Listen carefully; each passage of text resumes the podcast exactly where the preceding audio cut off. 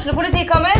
Ine Jansen er purk. Er du purk? The motherfucking bitch. Alt jeg vil, er å finne ut hva som skjedde med mannen min. Jon Carew. Er jeg sikta for noe? Iben Akeli. Det er du. Ole So, Lars Berrum og Big Daddy Karsten. Hvem sin side er du på, egentlig? Anette Hoff, Tone Danielsen, Kommer du fra Afrika? Jørnis Josef, Nesten. Kløfta. Trond Espen Seim, Det er synd å si det, men det var feil mann som døde. Purk.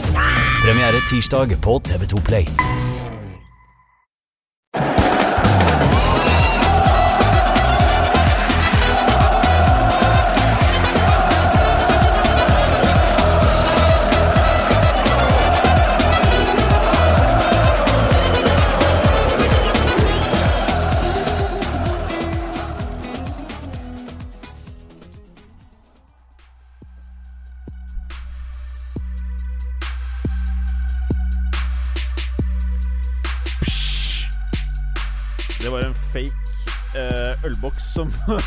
åpnet. Og da tror du kanskje at du er en del av Pyro Pivo-sendingen!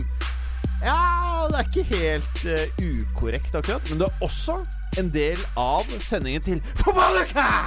Fotballuka! Dette er bare for sjukt.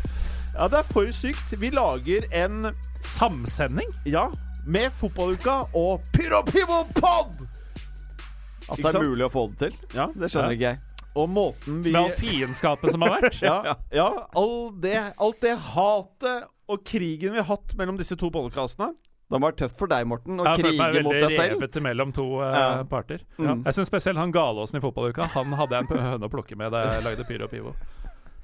Han sier mye piss. Ja, Ja. det, det kan jeg skjønne. Altså, han er full av møkk, Mm. men også ganske flink. Ja, jeg syns også han er den flinkeste. Oh! Ja. Så, Han har sine sider. eller, jeg, kjenner, jeg føler jeg kjenner han best. da Han appellerer mest til meg. Ja, ja. Det er kanskje bedre å si. Eh, Gallosen, eh, i dag så har du et eh, skjerf rundt eh, hodet som eh, preges av rødt, hvitt og en del svart. Og noe grønt, ser jeg på den ene siden her. Ja, Hva er dette? nei, Først og fremst så vil jeg jo poengtere at den er rundt uh, halsen, og ikke rundt huet. Ja, Jeg er jo ikke fra. Trøndelag. Nei, nei, nettopp. Nettopp. uh, Bra jo. poengtert, Gallosen. Nei, det, det er da et skjerf eh, vi uh, Preben og jeg var jo i uh, Bilbao for ikke så veldig lenge siden. Halvannen uke er det vel nå mens vi sitter her. Og kom ganske godt under huden på Athletic Club og deres supportere. Såpass at vi fikk en del gaver fra mm, en hooligan-gruppe Ja. som, som følger Athletic. Som kaller seg Eh, de kaller seg Herri Norte Taldea, og Mm. dette skjerfet er da fra deres uh, Ja, det blir vel 35-årsjubileum, som var i fjor. Eh, og På den ene siden så er det jo da denne bulldoggen som, som er ute etter å slåss, som symboliserer dem. Og på den andre så har du en far og en sønn i uh, Herri Norte Taldea-effekter, som er på vei til det ganske mm, unike stadionet San Mames. Det er litt spesielt at det er far og sønn, tenker jeg. I, I det miljøet der så tenker jeg at sønn er noe du kanskje ikke drar med deg inn uh, veldig tidlig, i hvert fall. Ja, alle som har sett Green Street, uh, vet jo at uh, i hvert fall i hooligan-filmer så kan det gå fryktelig galt når du tar med deg sønnen på basketak. Jeg kan opplyse om at det første jeg legger merke til her, er at det er faren som holder denne sønnen. Han har De har klart å få inn en stor tatovering uh, bakpå leggen. Sånn at eh, så Har du sett det, Gallosen? Nei, det har jeg ikke sett. Nei da. Så her er det jo ikke noe ringere enn at jeg tror at de har fått inn logoen på en eller annen måte. Mm. Eh, velkommen til deg, eh, Preben. Takk for det. Eh, vær så god. Du sitter jo med et eh, Mens Galåsen sitt skjerf er preget av eh, fake silketekstil, så er ditt eh, mer eh, rigga for norske værforhold. Ja, mitt problem er at jeg, akkurat nå er at jeg vet ikke hvilken vei skjerfet skal være. Er det Ja, for veien, tror jeg- tror det er en ørn midt på der Ja, eh, kan- som er motsatt. Dette er veldig bra radio også, men her står det vel Euskal skal eh, et eller annet. Euskal hooligans. Ja, altså Baskiske bas- hooligans. Nettopp. Husk all Eh, hooligans. Det var jo veldig rørende at vi fikk en gave av de. Og for dere lyttere som da ikke kan uh, se skjerfet, så er det jo bilde av en ørn som vi har prata om tidligere, som ligner veldig på den ørnen som Manchester City hadde tidligere i sitt klubb. Dette kan være en god uh, anledning til å henvise til eh, Fotballuka og Pyro Pivo Pod og Moderne Media Fotballs Instagram-kontoer, Ja. hvor du kanskje kan få et glimt av disse skjerfene. Helt riktig. Mm. Hva er det du har i hendene nå, da, Gallosen? Jeg har en vimpel som eh, også ble gitt oss av denne gjengen med psykopater som vi hang en del med i Bilbao. Uh, mye av det samme, egentlig. Uh, 1982 til 2017. En bulldog på ene sida og denne ørnen som også ble nevnt på den andre. Ja. Eh, og her står det XXXV. Ja, Der, vær, vær så god, Instagram. Så. XXXV Urteurena. Um, som da betyr 35-årsjubileum, vil jeg tro. Uh, tippe Eh, på det. Ja, det får vi tippe på. Og så er det da navnet Herri Norte Taldea på den andre. Mm. Uh, og denne vil vel da fort henge et eller annet sted i moderne medias lokaler uh, etter hvert som det blir plass til å henge opp masse Ja. fotballting. For nå er det ikke Eller nå skal ikke jeg. Nei, vi skal ikke jinxe nye Men det som er litt spesielt med alle disse gavene vi fikk fra denne hooligan-grupperingen, at Ja. vi fikk jo det etter å ha hengt med de i nærmest et døgn, føltes det ut som. Vi måtte opparbeide mye tillit og respekt for at vi skulle få lov å komme inn på huden og Hvordan faktisk eh, opparbeidet dere denne respekten? Var det å være med å slåss? Nei, det slapp vi heldigvis. Å, Eh, De så vel her er det ikke mye å hente, tenker jeg. Disse gutta her vil bare skape eh, ubalanse. Harmoni. skape harmoni i gruppa, men ubalanse i slåsskampen. Men du, Preben, har jo faktisk på deg en fotballdrakt også, du. Ja, men Den fotballdrakten her er jo Herry Norte sin fotballdrakt. Den er ikke helt lik Athletic Club sin. Eh, Ligner veldig. Er, ligner veldig, men det er en litt annen logo. Mm. eh, hvor ørnen går igjen til eh, Herry Norte, og så er det vel en lita sak på sida her. Ja. eh, liten en. Det ser ut som et sånn øllogo. øl, sånn Ja, det kunne vært det. Mm. Mm. Så er det bare mer her i Norte Italia. Ja. Ja. Men dette- eh, jeg syns faktisk den drakten er veldig kul, jeg. Ja, og verken Greit å si det også, verken Morten eller jeg har jo hatt noe favorittlag i Spania. Eh, veldig, i hvert fall. Men dere har det nå. Eller sier jeg noe feil nå? Men Nei, eh, jeg har jo egentlig hatt alle lag som ikke spiller i Spania, som favorittlag. Ja, Så er det noe med å komme til en klubb, og vi var jo veldig heldige å komme ekstremt tett inn på fotballklubben Atletic. Eh, fikk Etter hvert så føltes det som ubegrenset tilgang. Ja, det gjør det. Eh, og også kom inn i uh, til Herre Norte, da. Ble invitert hjem i deres headquarter uh, for å faktisk til slutt få et intervju. Ja, for at, uh, La oss legge premisset for denne episoden. da eh, Dere har da vært i Spania og eh, prøvd å ikke bare få med dere fotballklubben, men også kulturen eh, rundt fotballklubben, som da er Athletic Club. for de som ikke allerede har forstått det. Eh, nå skal jeg bare spørre, jeg, for jeg har hørt så over eh, siste uka så har jeg hørt så Eller jeg har hørt bruddstykker av turen deres. Så før vi begynner å gå inn i materien her, da. Hva er det dere husker best fra turen? Hvis jeg starter med deg, Gallosen. Hva er det som skilte seg ut? Hva, hva gjorde det største inntrykket, da? Om vi sier det sånn. For min del, så som den uh, tribunekulturentusiasten jeg er, så var det jo det at eh, vi på en måte starta helt på scratch med disse gutta i Herre Norte Taldea. Da vi møtte dem Først da vi egentlig begynte å avtale møte og sånt nå, så var det litt sånn her eh, It's very probable that maybe some of us can talk to you. Eh, veldig sånn ullen greie. Og så skulle vi møte dem da eh, på dagen, og de uh, forventa jo mm, kanskje litt mer klassisk type journalister enn det vi var. Eh, men vi merka at de var, de var skeptiske til å begynne med. Sånn da vi spurte om, de, eh, om vi kunne filme dem og snakke litt med dem på kamera. og sånt noe, Så det starta jo egentlig med Kan vi filme at vi treffes? Ja. Eh, bare for å ha den scenen. Utenfor på San. Mames. Ja. Mm. Og selv det måtte diskuteres litt dem imellom, da. Eh, og så gikk det en stund, da, og så prater vi litt med dem, og de river i noen glass. eh, vanvittig gjestfrihet for øvrig. Veldig. Vi, eh, vi fikk jo ikke lov å bruke en krone i Bilbao. Alle skal Det er en uh, I den kulturen så er det sånn at når det kommer gjester, så skal vi spandere. Og det gjelder hooligansene. Og det gjelder uh, vanlige seriøse folk i Athletic Club. Mm. Så vi, uh, vi fikk rett og slett ikke lov å kjøpe noen ting. Men det som Preben tidligere sa, føltes som et døgn, for det var ganske intenst å henge med de gutta her. Det var mye Hvordan da?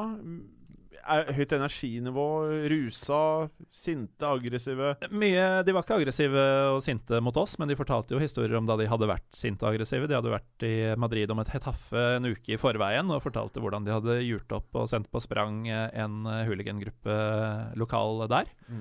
Eh, men i hvert fall uh, Det jeg husker, er hvordan vi på en måte bare malte oss inn i, uh, i det gode selskap der, da. Eh, jeg har jo for så vidt gjort det et par ganger tidligere på mine reiser. Preben med sine 853 barn nå. Er ikke så ofte jeg er, Er trykket inn i et huset på hooligans Vestlandet. Så altså. mistenker jo at du har produsert flere på denne turen. Vet du hva, det måtte ha vært med Morten i så fall. Det hadde vært umulig. Vi, eh, vi hadde vel ikke mer enn fem meter fra hverandre i løpet av ganske mange timer. Nei. Eh, det var intenst. Det er jo det. Det var tidlig oppe om morgenen og Så ingen barn. Ingen barn. Nei. Det ble det ikke. Men det at vi klarte i løpet av For det, det var jo ikke et døgn, tross alt. Det var et par timer før matchen. Eh, og så var det noen meldinger under matchen da vi satt uh, godt forankra oppe på pressetribunen. Og så var det da denne timen på hovedkvarteret deres eh, etterpå. Eh, men hvordan vi gikk fra å nesten ikke få lov til å hilse på dem eh, med kamera oppe, til å få ja, full access der også, da. Og fri flyt av alkohol og tilbud om verre ting også, som vi selvfølgelig takka nei til litt seinere på kvelden.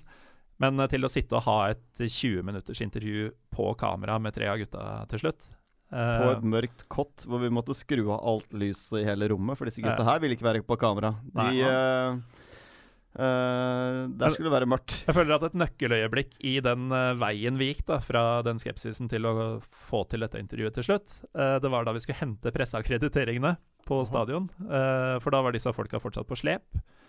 Kan vi si at vi før det hadde fått lov å være med de på deres stampub Mm. før match, uh, hvor de kunne fortelle uh, historien rundt eh, Inigo Kabakas Riktig. Som ble skutt og drept av politiet for tre år siden, er det vel? Fire? Nei, mer. Det er seks, tror Er jeg. det seks? Det Mm. Såpass, ja. Etter en kamp mot Schalke som de hadde i Europaligaen. Mm. Så hadde de egentlig bare, ifølge dem, da, eh, vært å feire avansementet, eller seieren mot uh, Schalke, på stampuben sin, som ligger en jeg vet ikke, 200-300 meter fra stadion. Uh, ifølge dem umotivert så hadde da um, baskisk politi, faktisk, ikke spansk, som jeg trodde innledningsvis, um, hadde kommet inn og begynt å skyte med gummikuler for å mm, rett og slett avslutte festen. Uh, hvorpå da denne Inigo hadde blitt skutt og havna på sjukehus, og senere døde av skadene som han, uh, han pådro seg. Ehm, det er litt forskjellige historier, avhengig av hvor du leser om dette og hvem du snakker med, men uh, uh, internasjonalt så har det stått at det var fotballopptøyer og sånt nå. Ifølge disse så var det bare en feiring av uh, seieren, men eh, Inigo døde da noen dager etterpå, og den dag i dag utenfor puben så henger et monument til minne om han. Og det er ganske sjukt å se når du er der, hvor han ble skutt. Det er et trangt smug. Altså, Mm. det er ingen veier å komme seg ut derfra. Du er på en måte fanget i et, et høl, rett og slett. Ja, det er, Det er eh, ingen blind, rømningsveier. en blind, et blindsmug. Ja, som er eh, 15 meter bredt, da. Hm. Der, og når, Mm. når det står hundrevis av folk der, det er jo, det er jo galskap. Ja. Litt sånn uavhengig av hva slags situasjon det var, så er det jo ganske utrolig at politiet har kommet inn fra hovedgata og bare skutt inn en folkemengde, tydeligvis. Mm. Eh, gummikuler eller ikke. Kan Mm. tydeligvis være farlig nok. Men der var vi og tok noen øl med de. Vi fikk selvsagt ikke kjøpe noen ting Nei. av disse eh, våre nye venner, da, som det skulle bli. Og da kom vi da opp til presseluken, Morten. Ja, og da hentet akkrediteringen før vi skulle bli med de videre, da, selvsagt, på et vorspiel med hooligans. mm, har vi jo for det første fått i oss et par uh, pils hver. Ja, sier du det? Eh, begynner sikkert å bli litt blank i blikket og fin i formen. Og så kommer man da Jeg hadde på meg en Lonsdale-jakke, og det er jo et eh, Det er vel kanskje mer vanlig i uh, disses kretser enn i pressekretsene. Uh, og fyren i skranka, da, han uh, stiller jo da følgende spørsmål med dette tonefallet. Your press? Det skal sies at disse to hooligansgutta sto rett bak nakken Ja. på oss da vi skulle hente inn. De, de holdt ikke noe avstand for å være kule. De sto og hang over nakken og bare Prata med deg og Funker dette, For dere liksom? var representanter fra moderne media, da. Det stemmer. Eh, Oh, modern media. modern media. Is that you? Men uh, jeg har fått fortalt av dere at dere syns at uh, alle har vært utrolig game eh, hele turen. Og da fikk dere formodningen da til slutt innpass her. Og, og når dere fikk innpass, så fikk dere se alt mulig. Alt dere ønsket. Ja, De, de prata om dette hovedkvarteret sitt da vi var på puben. Drev og hypa det litt og, og snakka det opp. Og jeg begynte å glede meg skikkelig, fordi som jeg sa til han ene han, eh, han sa jo at de hadde en scene hvor de kunne ha konserter og arrangementer og sånn. Kunne hatt en livepodkast der. Uh, de hadde et uh, tak med utsikt og sånn takterrasse. Eh, utsikt over elva, som er en viktig del av Bilbao by. Eh, hvor de hadde grillfester om sommeren, og, som, og en egen bar inne på rommet der og sånn. Uh, egen sjappe med sine effekter, og jeg sa at det hørtes himmelsk ut. Ja. Og han bare Yeah, it is heaven. så, så jeg fikk jo visse forventninger, da. Og så kommer vi jo inn der før matchen, og det som treffer oss, er jo ikke himmelen, eh, men egentlig en baskisk versjon av Blitzhuset. Ja. Som, da, ja, som det utelukkende var hooligans på. så det var jo ganske heavy. Og det luktet uh, narkotiske stoffer i lokalet. Det Ja, gjorde det. Vi ble også ganske kraftig oppfordra at selv om vi var med disse tre-fire gutta som vi hadde hengt med, så var det ikke sikkert at alle var like klar for å få fremmede folk med kamera inn på hovedkvarteret, Mm. så prøv å filme så lite som mulig. Ja, vi fikk lov å filme noen av folka. Vi fikk Mm. lov å filme litt rundt her, det gjorde vi. Uh, og de sa jo også at så lenge dere er med oss, så er dere trygge. Um, og jeg klarte jo ikke egentlig å ta inn om at disse gutta her var noe badasser i det hele tatt. Fordi de var veldig ålreite mot oss, men så begynner jo historien å komme, da. Hvordan de da var eh, i Madrid, slåss mot Retafe-fansen.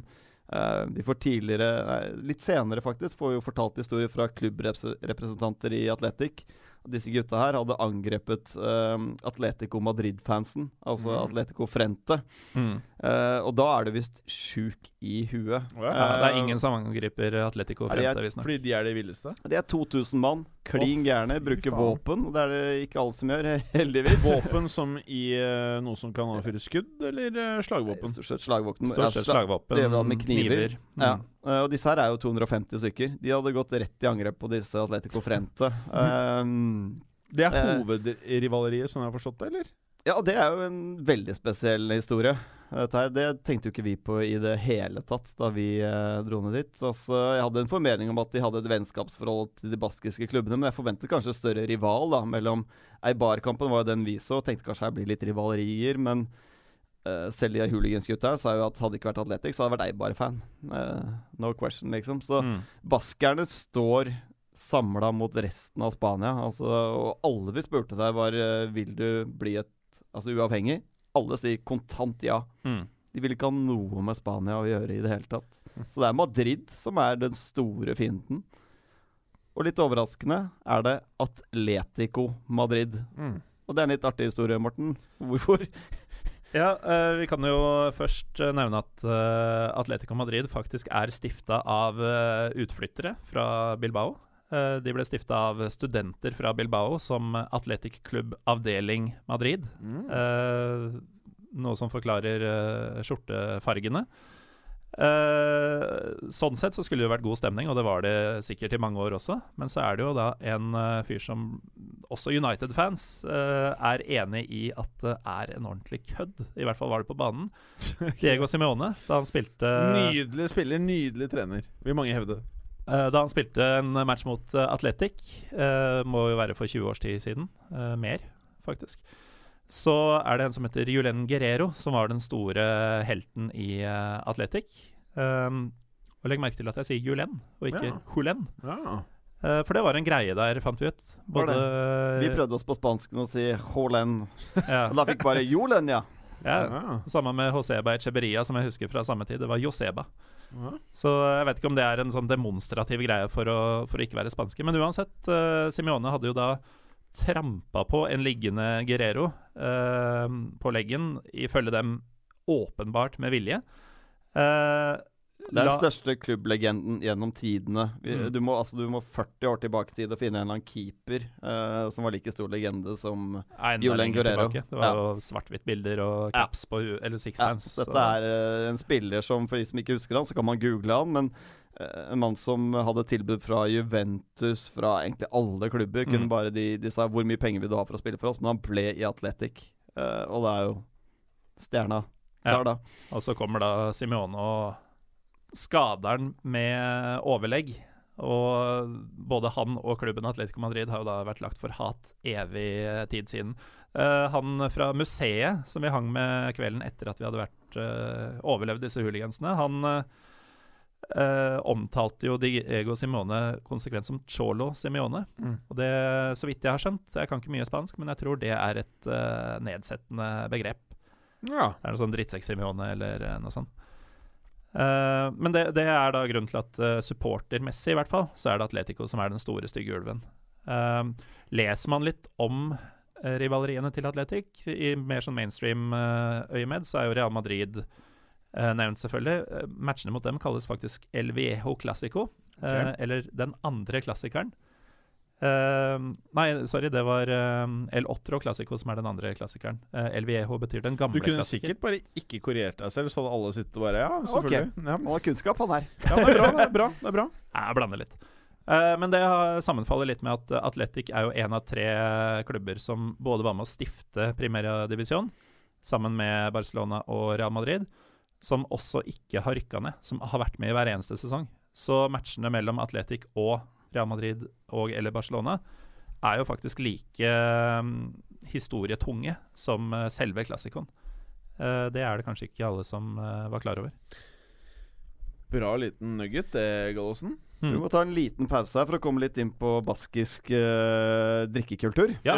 eh, i programmet, for det tenker jeg passer seg. Ja, ja, det passer seg veldig bra. Jeg Ja. tenkte Nå har vi jo hørt litt hva som var høydepunktet ditt, Gallosen. Jeg vil bare, Hvis du har en Ja. kort greie av hva som er eh, høydepunktet for deg, eller hva, hva er det du sitter igjen med fra turen som liksom stikker seg ut fra alt annet? For jeg har skjønt at det var veldig mye kult. Altså, det er utrolig vanskelig for en sånn fyr som meg, som har vokst opp i et eh, beskyttet miljø i Norge, uh, å komme utenom um, hooligans-treffet, da. Hvor tett vi kommer innpå. Altså, vi snakker med lederne i uh, grupperingen her, som vi faktisk bygger opp en tillit til, da.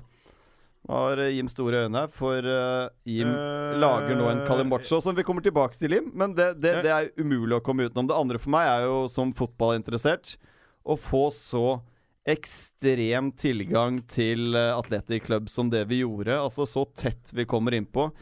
På treningsfeltet Lesama eh, er sånn For en nerd som meg, så er det et høydepunkt å stå på Lesama og uh, se buen fra den gamle stadion. Altså San Mames er jo ny, ble bygget nå i 2013. Den ser veldig flott ut. Den er fresh vi tok jo- buen fra den gamle stadion, flyttet den til Lesama. Uh, komme inn der. Vi sto Hvor langt kom vi fra um, uh, der hvor førstelaget trente? Ti meter unna. Ja, det var ikke noe Nesten ingen sikkerhet. Ingenting. Vi kan stå og filme, gjøre hva vi vil. Det, du kommer så tett innpå klubben da at det er uh, Det må jo være uh, Det gir veldig inntrykk når du er fotballnerd sånn som meg. Uh, en annen ting med Lesama også, som jeg ble litt overrasket over, er at de har kunstgressbaner nesten overalt. Det er et Mm. par gressbaner, og resten er kunstgress. Så mye tyder på at det går an å bli god med kunstgress. Men der A-laget trente, var det vel uh, Der var det gress. naturgress. Der var det Mm, naturgress. Det er viktig poeng. Det er vikt, veldig ikke- viktig poeng. Men de yngre lagene spilte på kunstgress. Men jeg syns også det var dødskult uh, med åpenheten der. Fordi det er jo Jeg, jeg er jo vant til dette fra Lillestrøm, men det er jo en bitte liten klubb, inn, eller et bitte lite sted i norsk målestokk igjen. Eh, men at en La Liga-klubb, og en av de absolutt største klubbene i spansk fotball, kan ha et såpass åpent og nært forhold til uh, lokalbefolkninga. For du vil jo tro, eh, når det blir såpass dimensjoner på ting, at eh, det er så mange gærninger at du rett og slett må ha masse gjerder, og du kan nesten ikke se førstelagsspilleren noe sted. Her kunne vi, hvis vi ville, bare gått ned de fem meterne som var igjen til Kepa, som sto og hadde egen trening, og hilst på den Ja. under treninga. Så for er en som vilt. ikke var med på turen her, så høres det ut som eh, utrolig gjestfrihet. Ja, vi tok- Og mm, Ja, vi fikk jo ta med kamera også, så det er jo ikke lov egentlig å filme inne i garderober uh, ute på gressmata. Vi fikk faktisk den tilgangen til å ta med kamera, gå ned og filme overalt. mens vi har prata nå, så eh, vet ikke om dere lyttere har hørt en del helling. Uh, Ja. skvulp. Og, så, og som jeg prøvde å signalisere, så Jeg så deg. Ja, men du hørte ikke på? Nei. Eller du ønsket Du ikke å ville bare ha en halv, du. Eh, Ja. Men kan du ikke beskrive Man drikker ikke en halv. Nå har vi tre svære Ikea melkeglass foran oss. Bra at du nevner at det er melkeglass. Ja. Preben. Ja, det er et veldig viktig poeng her, fordi eh, nå skal vi snakke litt om baskisk eh, drikkekultur. Selvfølgelig skal vi prate om det. Og der er det calimocho som gjelder. Eh, kort fortalt så er det et melkeglass 50-50 med rødvin og cola. Jeg kan opplyse lyttere om at her var det ikke jeg følte, jeg, Det jeg fulgte med på her, var eh, tre fjerdedeler eh, vin. Nei da. Det er bare for å gjøre den Kalle Morten litt bedre. Fordi Morten og jeg var veldig skeptiske. Vi måtte jo ta imot når Da var vi faktisk ute på en uh, pub, kan vi si, med en representant da fra Athletic Club. Ja. Som Gjorde et annet eh, intervju. Gjør et annet intervju med han, og han uh, Dere må smake Kalle Morten, gutter. Og det er klart, når du hører rødvin cola, skal du ødelegge rødvinen, liksom. Men uh, jeg var veldig skeptisk.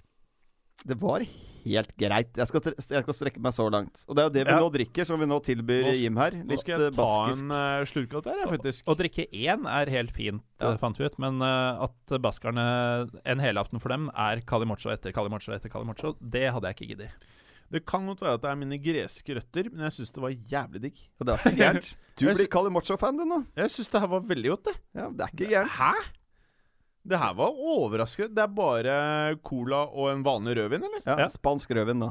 Ja, her står det italiensk, da, men uh, Du skulle ikke si det. ja, nei, den er var det jeg hadde hjemme. Men det eh, det skal selvfølgelig være spansk rødvin. Men det er det, det, er det man drikker. Uh, mat kan vi jo nevne litt òg. Det er pinchos det går i.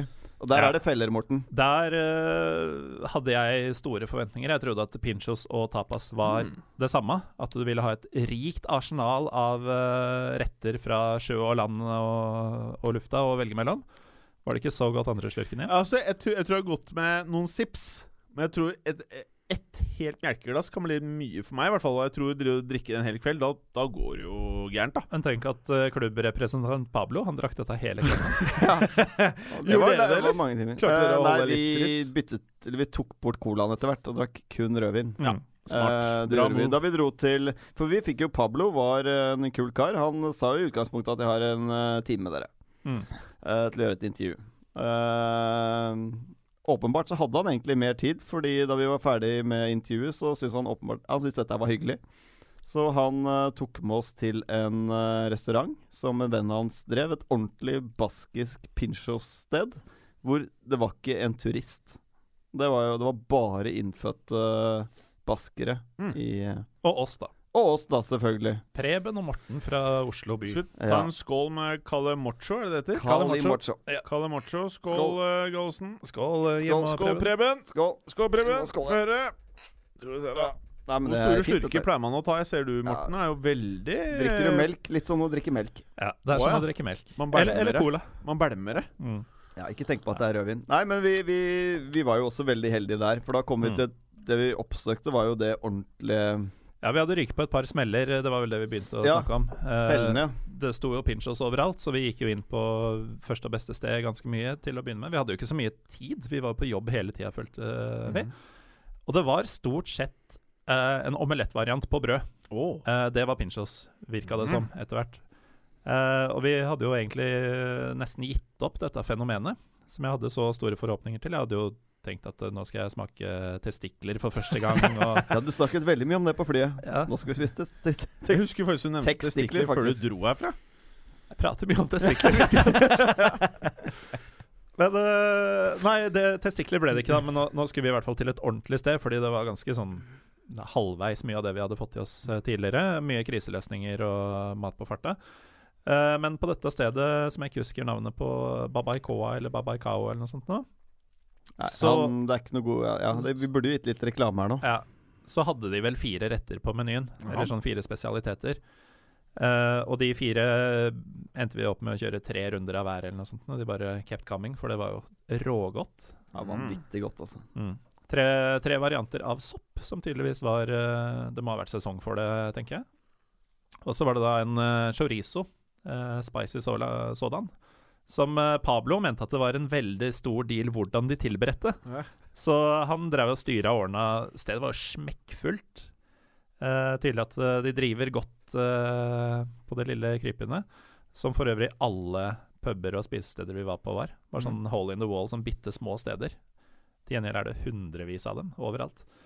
Høres ut som et fantastisk eh, sted å feriere. Er veldig fin by. Ja. Surt Mm. og kaldt som F, men Var det det? eh, Ja, på denne tida så var det det. Ja, Dere gikk med liksom, gode polfarerjakker fra Norge? har lue og full pakke, det, altså. Hmm. Ja, det var Men, eh, perioder hvor vi frøys, og, og det var mye regn også. Heldigvis stort sett mens vi var inne på stadion eller på puber. Ja, vi unngikk helt sjukt nok regn. Men på stadion, hvordan var det der? Var det et helt tak? Eller eh, er det sånn som det ser ut på bildene, at det kanskje kommer noe luft inn der? Det kommer noe luft inn der. Eh, det er et eh, hull som Hva skal vi si, går noe sånn som tre-fire ganger midtsirkelen. Ja, noe sånt noe. Uh, og det er såpass lite at uh, da vi var inne på Vi f fikk jo komme inn på matta dagen etter, da vi skulle filme litt og prate litt med Pablo og sånn. Uh, da hadde de satt opp lyskastere omtrent på bakkenivå, som bare Ja, For å få gresset til å gro. strålte rett ned i gresset. Fordi det kommer så lite naturlig sollys inn der at det må stimuleres på andre Ja. måter. Uh, så det, det er jo en greie. Det er jo nesten et lukka stadion. Ja, det er absolutt. Og det gir en enorm akustikk. Mm. I, nå er jo den uh, Hooligans-grupperingen har jo vært nede for telling noen år. Uh, hvis vi skal gå litt tilbake til de igjen. Så de er ikke så mange som de en gang var. Men uh, da de virkelig satte i gang, så, så ljoma det i eh, eh, he- på hele stadion. Og spesielt pipekonsertene. Da måtte vi holde oss for øra et par ganger der. Og den var det mange av i denne kampen. Det var ikke et godt Atletic som uh, tok imot Nei, det var uh, ganske kjedelig fotballkamp, det må vi si. Men det er ikke det viktigste med den turen her i det hele tatt. Vi er litt tilbake til hooligans-grupperingen, uh, forresten. For vi glemte å si hvorfor de heter hooligans, og ikke ultras, som Ja, resten av. Spania gjør. Ja. Ehm, og det har jo med at uh, Du kan egentlig ta historien fra 82, Morten. Ja, som vi nevnte da vi prata litt om disse skjerfa og sånt, så går 1982 igjen. Uh, som mange sikkert vet, så var det VM i Spania det året. Og England de uh, spilte brorparten av kampene sine i Bilbao. Og følgelig så hadde jo denne engelske syken, som man omtaler huliganismen derfra om, den, eh, den herja ganske vilt i Baskeland eh, sommeren 1982. Eh, og da var det jo da noen Athletic-fans som eh, sto med store øyne og så på ødeleggelsen av egen by, og sa Fy faen, så kult. Dette vil vi også drive med. Dette er livet! Så de, Endelig funnet mening med livet. Ja. i, I motsetning til de aller, aller fleste fotballsupportere som mener litt alvor da, rundt middelhavsområdet, eh, som da kaller seg ultras, og det handler om å hoppe og flagg og pyro og synging og sånn, så uh, står de litt sånn med arma i kors som engelske supportere, Uh, synger når det passer dem, Mm. og slåss i gatene så mye som mulig. Det er Det det det, virker som det er det viktigste. Ja. For kampresultatet var ikke så nøye. Nei. Det, det Nei. Det var- å prate om eh, bragden i Hetaffe Ja. uka før, og så var det mer å feste. Ja. Og Flere av dem var jo ikke på kampen engang. Nei da. Det høres ut som en bra oppskrift hvis laget ditt ikke har økonomi til å kjøpe det spillerne. Ja. Bare for å få litt perspektiv på dette, så er jo forbildet til de gutta vi møtte, er eh, Millwall-hooligansene fra 70-80-tallet. Mm. Det, det er det store forbildet, det er det de har prøvd å leve etter hele veien. Og jeg vil jo si at de har jobbet bra for å få det til. Eh, de var jo, som vi var innom, Chetaffe og, og slåss, og de kunne jo gjerne Altså de, i forhold til Barcelona, da, som er en litt interessant greie, de støtter jo Catalonia i den uh, uavhengighetskampen. Men uh, de syntes det var jævlig gøy å dra til Barcelona for å slåss mot Barcelona Ultras-gutta. Mm. Det var stas, det. De Ja. var, det var så morsomme slåsskamper, sa de. At det var eh, Ja, Og og så- er jo denne her i Norte Taldea De var ganske venstreorienterte politisk. da Det er, det er jo mye politikk involvert i, eh, i spansk fotball, eh, det er jo ingen hemmelighet. Og disse var jo på venstresiden, antagelig mye fordi under Franco-tiden så, så var det vanskelig for en klubb som Atletic å vinne noe. eh, som de, den utbrytergjengen eh, de var. Eh, så var det en greie med Barcelona-fansen som de nevnte, som i hvert fall eh, Igjen, det er jo fra én kilde som har én mening om ting, men de mente jo at uh, det var mye fascister blant FC Barcelona-fansen. Uh, til og med spansk-nasjonalistiske hooligans blant Barcelona-fansen, ble sagt. Uh, og det gjorde jo de kampene ekstra spennende for deres del, da. Fordi de på en måte ikke var en del av kampen som de følte de hadde til felles med resten av katalanerne og Barcelona-fans generelt. Mm. Det gikk jo igjen, da, både fra klubbhold og fra hooligansgutta, at uh, de mente seg at 80 av Spania er fascistisk, liksom. Vi har Mm. noen få vennskapsklubber her oppe, altså Rayo Vallecano og Celta Vigo, Ja. som er vennskapsklubbene til Atletic. Og de skiller Eh, seg også ut i den Uh, Ikke enden. sant? Så har de i og for seg et godt forhold til alle de andre baskiske klubbene også, Mm. men eh, Jeg skulle likt å høre fra Real Sociedad-fans om det er eh, Om det går begge veier. Ja. Fordi det er lett for Atletic, som er storebror, og kan hente de Sociedad-spillerne de ønsker når de trenger det. Apropos Inigo Martinez, som Ikke kom nå. sant? Eh, det er jo veldig greit for Atletic, uh, og Real er jo da ingen rival sånn sett, selv om de omtales som hovedrivalen i Baskeland, så, så var ikke det noe Atletic-folk i det hele tatt tenkte. Men jeg vil jo anta at det er ganske irriterende å være Real Sociedad. Og hele tida miste spillerne sine og, og måtte se opp til denne storebroren som, eh, som på en måte er reinere enn dem. Ja, jeg må innrømme at jeg var ikke klar over det styrkeforholdet mellom de før jeg dro dit. Eh, Jeg trodde Real Sociedad var minst på samme nivå anseelsesmessig som Athletic Club. Men når eh, det var, Dette er jo på lørdagen hvor, vi, hvor det virket som Laporte kom til å gå til Manchester City, og vi spør han i Athletic Club, da. Uh, hva gjør det nå? Eh, hvor henter det spillet? Nei, nei, vi bare henter eh, Inigo Martinez, vi. Vi Mm. bare tar utkjøpsklausulen hans, uh, 32 mil uh, euro, og så, så er han her i tirsdag og onsdag. Så har vi 40 mill. euro i banken Ja, ja, og like fint. god spiller. Så stilte vel vi spørsmålet, men er dere helt sikre på at Inigo Martinez vil hit? Og større spørsmålstegn i et ansikt har jeg uh, Ja, de, de skjønte Aldri- ikke spørsmålet. Hva er det du spør om? Eh, Vil ikke han hit? Altså, jo, jo, han kommer hit på tirsdag og onsdag. Ja, vi, vi kjøper den. Ja, vi kjøper den. Hva, hva er greia? Så det er jo åpenbart at det er uh, Athletic Club som er den store klubben. Men når vi er inne på det, så må vi jo snakke litt om denne signeringspolitikken. da. Eh, Cantera, som den vel kalles. At eh, det kun er spillere med en viss baskisk identitet som får lov til å spille for Atletic Bilbao. Eh, Real Sociedad fulgte jo faktisk den oppskriften inntil for under 20 år siden. Eh, de ga det opp i 1989. Fordi Den er artig. Den er artig. Da ble fristelsen om å hente John Aldridge for stor.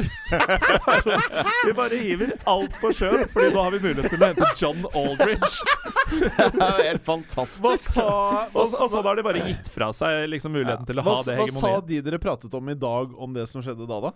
Nei, det har vi ikke snakket med de om, akkurat Nei. den uh, historien der. Er kanskje ikke noe man tar om, kanskje? Uh, nei, Nei. Uh, det er det ikke. Men det, det er jo ganske fantastisk. Bare hive bare masse år kultur ut av vinduet for John Aldrich. Hvordan gikk det med den eh, overgangen, da? Vet du hva, jeg, Har du skjegget statsen? Det har jeg ikke, men jeg kan Jeg ta det opp hvis du det, jeg tror jeg har det i hodet. Og det, jeg tror han skårte 33 mål på 93 kamper eller noe. Jeg tror ikke jeg er, veldig langt unna. det, nei. Er ikke Det så- kunne altså, sikkert John, fått en basker til å Nei, 33 på 63, ifølge Ja, Det var kjempebra. det bommer. Eh, John Aldrich for de som er eh, ganske gamle Jeg husker henne faktisk, det er litt bekymringsfullt. Men eh, han var jo en ganske god fotballspiller.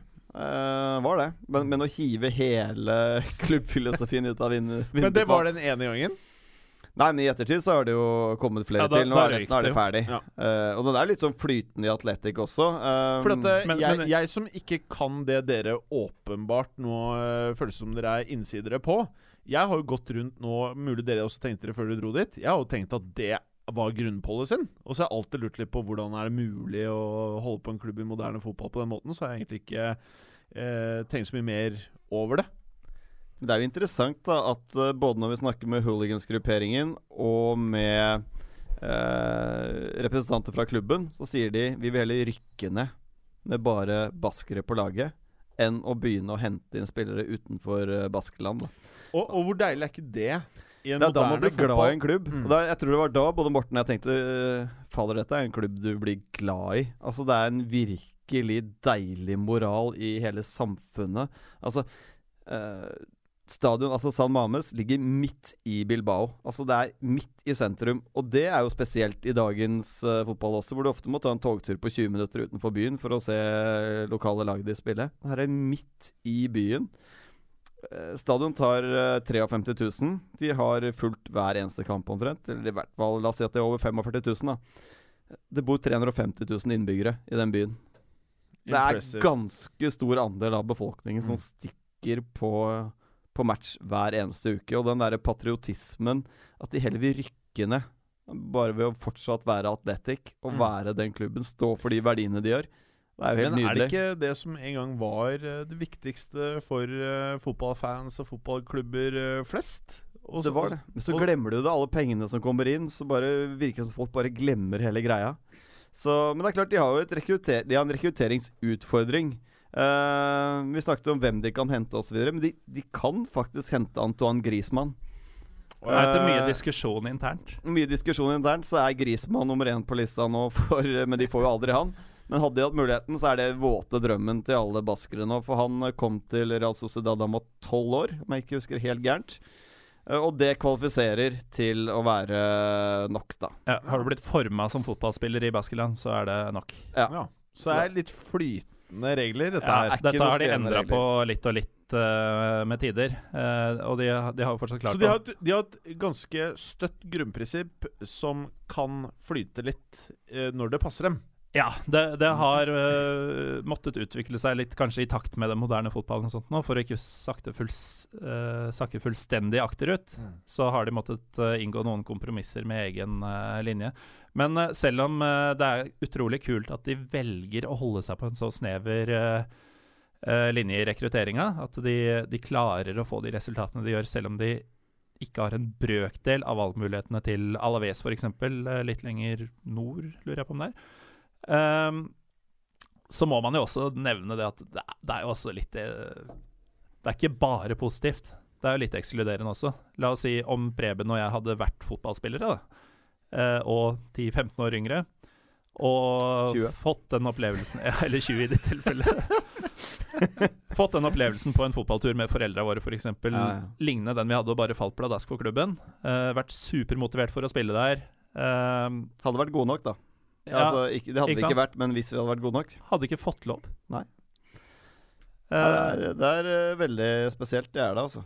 mm. Men, men det, det føles ikke ut som det er noen som reagerer på det. Jeg har, jeg jeg har ikke hørt noen sånn uh, kommersiell kritikk av dette her. Nei, men det er så viktig for dem. Altså, det er det, er det viktigste av alt, at dette er et lag for baskere. Det er, eh, det er oss mot resten, og det er jo sånn hele samfunnet er også. Altså politisk også. Det er, det er, det er vi baskerne mot resten av Spania. Ja. Vi vil være for oss selv, vi vil ikke blande inn noen andre i det.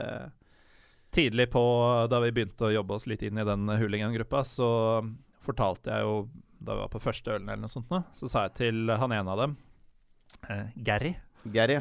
Han eh, fortalte at eh, jo, hadde en del folk på jobben, for da sto vi ute og frøys litt, og det var vind, og det skulle bli et sinnssykt regnvær når kampen begynte og sånn, eh, var meldt. Eh, så hadde jeg sagt til folk oppe i kalde Norge, da, hvor vi hadde ti minus og greier, at eh, jo, jeg skal jo til Spania i morgen, jeg, da. uh, og de ble jo rågira og sånn, de på jobben. Sånn å, digg å komme ned i sola og sånn. Så sa jeg nei, jeg skal ikke til den delen av Spania. Hvorpå Gary sier Well, you're not in Spain, actually. så den Ja. der baskiske greia, den er ganske sterk, altså.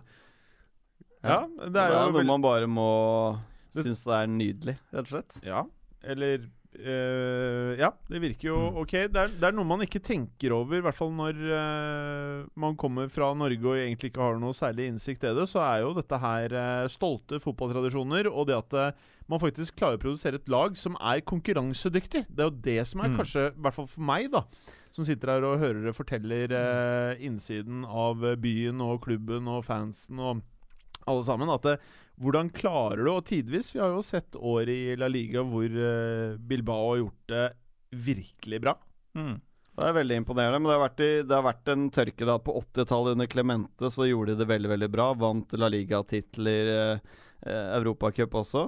Eh, så har det vært en tørke som var fryktelig lang. Så gjorde de det bra under Valverde en liten periode. Eh, men så nå under Nei, nå er det dårlig, altså, Morten. Ja, nå er det svakt. Nå er det svakt. Den kampen vi så mot Eibar, som endte 1-1, i en kamp som jeg føler Eibar dominerte Ja. store deler av. Ja.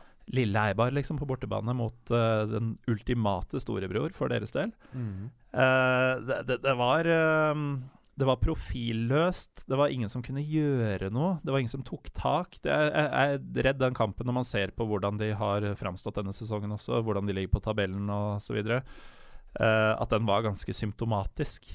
Uh, Aritz Aduris er fet, han. Uh, Inyaki Williams, når han har en god dag, er uh, også underholdende å se på. Litt lite sluttprodukt, uh, vil noen hevde. Men det er ikke mye som skjer der med den spillertroppen de har. Nei, Man skulle kanskje tro at uh, Laporte var den store stjernen i dette Atletic-laget, men uh, Det var stopperkollega Jerai som stjal uh... Ja, Jerai som har kommet tilbake fra kreft to ganger nå. og startet nå i, i helgen, faktisk. Men Laporte, da når han Alt da vi var der, så tydet alt på at han gikk til Manchester City. Folk tenkte ja, men det er egentlig helt greit. Altså Han er, han er fransk-basker. Det er ikke så viktig som de andre baskerne. Det var utrolig sårt da Fernando Llorente gikk på free transfer til Juventus og spilte drit siste sesongen. Han er ikke dødspopulær. Nei, han er så upopulær. Men de skjønner sånn som Ander Herrera, som dro til Manchester United, la igjen en god overgangssum. Da er det helt greit at det forsvinner. Selv om de egentlig ikke forstår at noen vil forlate Atletic i det hele tatt. De kan ikke skjønne at noen vil spille på en annen klubb Det er jo helt nydelig. Jeg skulle ønske jeg hadde noe sånt i Norge. Liksom eh, En klubb jeg kunne være At de kan gå på stadion hver eller Mhm. annenhver uke da mm. og være så fan. Eh, kan, jeg, kan, kan jeg spørre litt mer om byen? om eh, kulturen. Vi har vært innom uh, åpenbart Hva het denne drikken igjen? Calimocho. Calimocho. Skal vi ta en Calimocho til? En slurk? Ja da. Ja. Det går ned, dette. Jim, jeg syns du er treig. Ja, Det, var, eh, det er nok den greske siden av meg som da likte den veldig godt til å begynne med. Og så ble den lei. Ja, eller så syns den er litt uh, kvalmende nå. Men drikker man mer sprit i Grekenland? Ozo. Ozo er det selvfølgelig. Ja. Det leste jeg, jeg leste jo en del om Kalimocha etter at jeg kom hjem. Ja. Uh, og det er faktisk noen varianter på den. Blant annet så kan man ha en skvett Ozo oppi. Åh, For da begynner det å ja, det kan vi like, da. studioet her. da. Mm. Da begynner det å bli perverst, altså. Ja. Da er det perverst og fælt alt det der. Eh, for dette, det er åpenbart eh, kaldt, som dere sier. Eh, og det er ca. 350 000 innbyggere i denne byen. Eh, jeg har jo studert i Glasgow, som eh, har eh, veldig mange innbyggere. Men som sentrumet er jo veldig lite. Og det som kan kalles sentrum, det klarer du å gå fra ende til annen på 10-15 minutter. Hvordan vil dere beskrive Bilbao? Tar noe lengre tid å gå gjennom sentrum enn som så. Men uh, alt var uh, gangbart. Men jeg tenker det er det som er så nydelig, for det er et, det er et sentrum alt sammen. Og det skjer noe i hver eneste bydel. Uh, du har den nye delen, du har gamlebyen. Uh, jeg tenker at den er egentlig veldig perfekt størrelse da, Mm. for en uh, nordmann på tur som er vant til små områder. Så Det er veldig befriende å ikke måtte lære seg busser og trikker og T-baner og sånn for å komme seg rundt. Du, Ja, det er jævlig digg, faktisk. Det er sånn man ikke tenker over når man skal til storbyer. ass Det er hassle. Utenom da vi skulle til uh, Lesama, som tross alt er ikke i Bilbao by. Eh, så brukte vi tok ikke en eneste taxi, ikke en eneste trikk, buss eller lignende utenom da vi skulle til uh, treningsanlegget. Mm.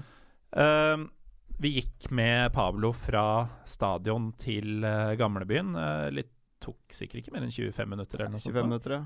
Og det var, det var liksom et langt stykke å gå, ifølge han. da Ja. Du måtte stoppe på veien, Morten. Ja. Eh, øl, eller? Nei, eh, Morten måtte plutselig veldig tisse. Ja. Og så er det jo sånn Er det innafor å pisse i gata? Det, det var helt greit, var Ja, det ikke det? det sa han først etterpå. Etter. han, først etterpå, ja. han sa først at det var ikke så greit. Han sa vel det mens dere venta på meg, da jeg Ja. hadde fått panikk og løp inn på første beste kafé. Ja, Så sa han at det var greit. Kan egentlig pisse i gata. Ja, kunne egentlig gjort det. Ja. Så han kødda med deg?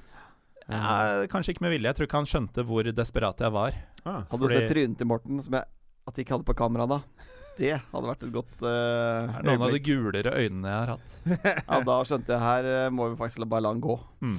Uh, nei, men det er jo litt sånn fascinerende, da, med Hvis vi kan snakke om hasj også, for det er jo en del av kulturen i Bilbao. Ja, det var åpenbart. Ja, for der er det greit Altså, det er ikke lov å, å røyke på gata, men politiet sier bare 'skjul det litt bedre neste gang'. Ja, Legg den bort nå. Ja, og så kan det neste gang jeg kommer, så ser jeg det ikke, liksom. Ja, så det var jo veldig vanlig å drikke Calimocho og, og, og ta seg en liten joint, da. Ja, og som vi så smått var inne på da vi var ferdig med intervjuet med Hooligansa på fredagskvelden, da kom Da hagla tilbudet om uh, andre ting. Ja. Og det stoppa ikke på hasj, for å si det sånn. Nei, og de kunne jo si at de, i denne podkasten så er det vel lov å si akkurat hva de sa, er det ikke det? Eh, at det er Vi er kjent for å ta mye amfetamin og kokain. Mm. Eh, noe som kan forklare at disse gutta her kan bli litt mer aggressive i andre settinger, da. Ja. Eh, Det var mors beste det- barn med oss. Jeg lurer på om ikke det er eh, Hvis du dropper et par benzodiazepiner der, så tror jeg du har innbruddstyvcocktailen i Oslo. Det er jo det politiet bøster Er flest innbruddstyver med. Mm, Ja. Det er det det er i blodet, da. Men da altså han ute i baren begynte å slipe knivene sine. Eh, da Ja. tenkte vi at det var på tide å gå. Uh, Ja, da det var de, ikke noe matservering der, for å si det sånn. Når de begynner å mase om uh, hardere dop, og at de nesten er skuffa når vi sier nei, samtidig som han kvesser knivene bak baren. ja, Han sto og slipte Men for meg som ikke var der, så dette høres veldig Altså, jeg vil si fryktinngytende. Jeg hadde ikke digga å vært i en sånn type setting. Men uh, Preben tweeta jo uh, før vi dro at eh, han hadde fått spørsmål av meg Er du litt nervøs for å skulle på tur med meg for første gang. Så skrev Preben. Fikk spørsmål av det. Svarte nei. Løy. Men jeg tror aldri, tror aldri du var redd. Aldri redd i det hele tatt. Det var, eh, det var et eller annet at jeg følte at ikke de hadde noe mot oss. Og det er jo sånn med disse hooligans ultras-miljøene, som de forklarte oss, spillereglene i slåsskamper. Det er ikke lov å bare komme og angripe noen. Det, det skal avtales ordentlig faire matcher. Så det er ikke noe sånn Men- at de plutselig men, blir angrepet. det Det, er mot reglene. Det der føler jeg er en sannhet med modifikasjoner. Det er sånn det skal være. Det er sånn Ja. det skal være. Uh, så jeg, jeg følte Så meg hvis- ikke utrygg der, men jeg tenkte når de begynte å dra frem narkotiske stoffer Han begynte å kvesse knivene rundt barnet her, og klokken var to på natta eller noe. Da Ja. tenkte jeg nå har vi fått intervjuet vårt. Vi hadde vært oppe i 22 timer. Vi fikk jo ikke lov å dra hjem heller. Det er Nei. det verste. De sa Ja, hvordan nei, da? Hva sa de? Nei, altså han Gary, som var en av, våre, en av lederne der, da, som vi på en måte forholdt oss til, han bare ignorerte oss da vi sa at vi skulle gå hjem. Mm. Så vi, vi følte at vi måtte si ha det osv. Mens han andre karen her, uh, Pivi, vi kan jo si navnet hans, Ja. det er et kallenavn. Han henta en annen fyr som ikke kunne engelsk, Ja. som skulle fortelle oss hvor viktig det var for han at vi ikke gikk. Ja, så Han hadde ikke vi vi var vekslet et ord med hele dagen. periode. Så vi fikk jo kasta øl etter oss, som vi da måtte bare pent drikke. Det var Mm. ikke vondt å be, sånn sett. Det gikk Men- jo ned. Det gikk jo ned. Og, men til slutt så klarte vi å løsrive oss. Jeg var litt nervøs da Morten sier da vi endelig fikk lov å gå. Jeg må på do før vi drar. da tenkte jeg Det er sånn gjennomgående Morten, tema i turen, det kan vi ta i tunnelen borti gata her. Ja, det, det kunne vi jo ikke, for der var det jo biltrafikk. Ja, det er sant. Men uh, det var jo uh, det, det, det var jo en helt vill stemning der, egentlig. Og det med han fyren som ikke kunne engelsk, det var jo den ene problematikken vi egentlig hadde gjennom Ja, hele turen. sant. Eh, Det var jo ingen som kunne engelsk. Så de få som kunne noen ord, som, altså Pivi og Gary, som vi har referert til, som våre kontakter i det miljøet, de var jo ikke dritrå i engelsk, de heller. Men de kunne det jo. Og eh, prøvde jo å komme litt i snakk med noen av de andre på det stedet, så var det ikke snakk om. Og like fullt dødsviktig for dem at vi ble værende og drikke mer. Og forhåpentligvis bli overtalt til å ta litt dop med dem. Ja, ja. Og det var jo viktig for oss å komme i kontakt med folk som faktisk kunne engelsk her. Vi er ikke så stødige i spansk, så vi eh, For å ta det først på stadion, da, som et av de første møtene hvor vi, vi hadde jo tilgang til mixzone, pressekonferansen, alt. Så vi hadde egentlig tilgang til alle spillerne der som, uh, i mixzone. Perler Men- for svin. Altså, vi spurte disse eh, pressekontaktene, er vel det det heter, da, på, på stadion der, at er det noen som snakker engelsk på noen av lagene? Som vi kan stille noen spørsmål? Nå. no. Ja. Spanish and Basque. Spanish and Basque. Ja. Eh, så det ble jo litt meningsløst. Og mm, Så resten av kvelden gikk jo med til hooligansene. Dagen etter skulle vi jo på Lesama, på treningsanlegget. Der må jo noen kunne engelsk, tenker vi. En eller annen journalist eller en eller annen eh, i, i klubben. Nei da, de kunne ikke det. Jo, vi møtte en uh, kvinnelig fotograf. Uh, hun snakket engelsk. Dessverre så kunne hun ikke, ikke gi oss så mye informasjon verken om fotballaget eller historien til klubben. Kunne mye om, kunne mye om fotografi. Jeg kunne veldig mye om fotografi. Det hjalp ikke også veldig mye, så henviste oss til en fyr som het Juan, var det det?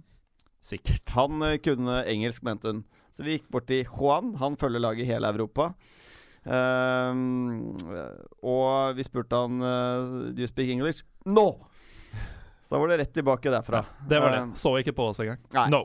Nei, Så han var uh, borte, og så var vi Vi hadde egentlig gitt opp Lesama da, så vi var på vei hjem, egentlig. Så snakket vi Sa vel egentlig ha det til han i porten, Mm. til Lesama. Uh, og så plutselig dukket det opp en fyr som kunne engelsk der. Det var ikke han, men det var en kar som sto litt bak, eller jeg vet ikke hvor egentlig hvor han kom fra. Men det var en fyr fra Athletic. Og han prøvde jo faktisk å sette det meste i bevegelse for at vi skulle få det intervjuet vi ville da med noen i klubben. Uh, uten at han lykkes, dessverre. Dette var jo dessverre en søndag hvor ikke så mange er på jobb. Nei. Og da gikk vi, dro vi slukøret fra Lesama. Via puben tilbake til Bilbao. Det er riktig. Så tenkte vi ja, faen, vi får dra på museet, da. Se om det er noen der. Der var det også nedslående nyheter. Ok.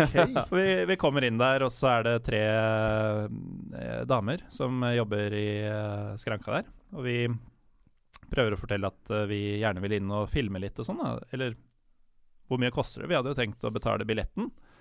Nei, museet kosta så mye. Museet pluss stadionomvisning kosta så mye. Eh, men dere kan ikke filme, da. Ingenting. Og så prøver vi å fortelle at ja, vi hadde, dro fram pressepasset fra kvelden før og sånn, da vi hadde vært på matchen. Og så har vi freidig at vi var fra norsk TV. Ja, vi var fra norsk TV. Med, Ja, med, med utstyr som fikk plass i en liten Sannhet med visse eh, modifikasjoner. Ja. Alt utstyret fikk plass i en liten ryggsekk. Eh, men uh, da, etter hvert da, så begynte de å ta litt telefoner, og det var egentlig bare vi to på jobb i dag. Det var to da vi kom, og så ble det tre etter hvert, og så dukka det opp stadig flere. Så det var litt flere enn de to på jobb, men uh, De ba oss om å vente litt. Fem minutter ble til ti og til et kvarter, og plutselig så var det sånn Bare gå inn dere og film så mye dere vil. Det er en uh, engelskspråklig omvisning på stadion som begynner nå. Eh, ta med kamera og film. Bare vis oss seinere hva dere har filma. og det var greit. Og det var der vi møtte Pablo, og da ordna alt seg. Og Pablo viser at han har jo vært i dette Harry Norte hooligans-miljøet da han Ja. var ung. Eh, det var litt fascinerende at han hadde insight på det også. Så han kunne Vi lurte jo på om disse gutta var seriøse da de fortalte denne historien fra Hetaffe og alle de der skrønene, for de Og var så hyggelig hyggelige mot oss. Madrid, ikke minst. Ja, det, det, det, var, det var så vanskelig for oss å, å tro på de historiene, for de var så greie. Mm. Men han sa at Ja, hvem var det som fortalte dette? Nei, det var Peewee, da. Ja, hvis Peewee sa det, da har det skjedd. Han er Ja. fuckings lunatic. Ja, han fremsto ikke sånn mot oss, i hvert fall. Så, men denne Pablo har da reist rundt også nå de senere årene med laget rundt omkring i Europa. Han kjenner alle i klubben, han jobber i klubben nå. Eh, har en drøm om å jobbe seg opp, eh, oppover i klubben også. Mm. Så han hadde jo ekstremt mye informasjon eh, som vi heldigvis kunne bruke til noe fornuftig. Omsider fant vi den engelskspråklige fyren med inside information og kunnskap om klubbhistorie og den type ting. Akkurat det vi trengte. Som kunne møte oss etter arbeidstid. Og, Og som viste oss ordentlig pinchos til slutt. ja, Vi endte jo opp med å henge med han fra syv på kvelden til to-tre på natta. Han Så- hadde en time til oss, han. Han hadde en time til oss. Veldig hyggelig, da. Mm. Veldig hyggelig. En ting vi ikke har toucha på, er jo draktfargen. Hvorfor de faktisk spiller i rød- og hvitstripte drakter. For det begynte jo i Blackburn-drakter. De gjorde det. De spilte i de blå og hvite, hvis folk husker de De spiller vel kanskje de i dag. Jeg ser ikke så mye championship, jeg. Det er ikke championship. Ja, det er ikke det, nei. Det hører Det følger ikke jeg så mye med på, men Nei. de blå og hvite draktene. Så det var jo den opprinnelige drakten til Athletic. Blå og Eh, hvit. Ja. Mm. Og så ble den rød og hvit. Så dro De er jo Englandsinspirert klubb, så en av klubblederne dro til England for å kjøpe nye drakter et år. De trengte noen nye drakter. Og så er det Historien er litt delt. Det er noen som mener det er Southampton han besøkte, andre mener Sunderland. Ja, og en tredje teori er at han var i London på en uh, sånn handlemesse-type ting. Hvor det Ja. bare var igjen drakter fra et av de lagene. Ja. Og det kan nok være det. Altså, han fikk i hvert fall tak i 50 drakter, da, enten fra Southampton eller Sunderland, som han tok med tilbake til Bilbao og sa gutter, dette er draktene dere skal spille i. Å ja. Så de spilte i draktene til Southampton eller Sunderland? Ja. Å, Det er ingen som kan bekrefte 100% hvilken klubb det er inspirert av. Nei. Men det var, eh, altså dette var i 1910. Eh, klubben hadde spilt i tolv år med mm, holdt på å si Blackburn-drakter. Eh, og kom da tilbake fra England med en bråte rød- og hvitstripede drakter. Og det slo såpass godt an at det har blitt værende siden. Ingen flere fadeser i form av å komme for seint til messa og kun ha ett valg igjen, egentlig. Eh, en ting som jeg lurer på, når dere forteller at uh, klubben uh, Vi har ikke pratet så mye om det sportslige, altså sportslige mål og hvordan det går. Når dere har pratet med både folk i klubben, supportere, hooligans, folk i byen Hva føler man her? Er det her en gjeng med folk som forventer at klubben nå fremover skal tilbake til gamle høyder i gåstegn? Eller er man mer enn nok fornøyd med at de holder seg i øvre liga, og at uh, man bevarer kulturen rundt klubben? Siste du sier, er det riktigste. Bevare kulturen er det aller, aller viktigste. Jeg tror ikke de forventer at Atletic skal kjempe om uh, Champions League-plasser engang. Ja. Du har nok alle typer der også, som Det i enhver en man Du har de som ikke tar inn over seg dagens realiteter med den moderne fotballen, hvor stor hemsko den Cantera-politikken er. Eh, og hvor viktig pengebruk faktisk er, da, uh, på et nivå som dette her. For det er jo, som nevnt tidligere, det er, det er jo La Liga. Det er lett å glemme når klubben er kun baskisk, at de på en måte ikke hører til der. Men det er, det er altså Real Madrid, Barcelona, Valencia, Atletico osv. som du skal Kanskje ikke Valencia som du skal konkurrere med. Uh, og du har nok en god del folk i Jeg vil anta flere titalls tusen folk i Bilbao som tror at du kan holde på Cantera og samtidig komme til Champions League igjen om et par år.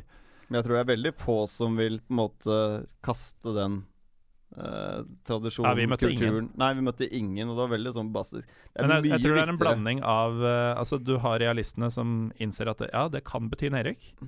eh, som vi aldri har gjort før. Nå de, I år blir de 120 år gamle. Aldri rykka ned fra primæra. Men du har de som sier at eh, ja, det kan skje, og hvis det skjer, så skjer det, men sånn må det bli. Eh, men jeg tror du har en del av de som tviholder på Cantera, som ikke har tatt inn over seg at eh, det er en mulighet. Fordi Mm. det har jo aldri vært en relevant greie for Atletic. Eh, så det, er- det er jo vanskelig å si hva fellesideen er, da. Men tror det viktigste for De aller fleste tror jeg er viktigst at det er en klubb for baskere, da, og baskere. Det er baskisk. Det tror jeg på en måte er sånn Så er det sikkert selvfølgelig forskjellige synspunkter, da. Hvor mye man eventuelt skal tøye strikken i forhold til hvilke spillere man kan hente. For det er ofte det det ligger i her, da. Skal man si at fra de er 16, så er det greit. Eh,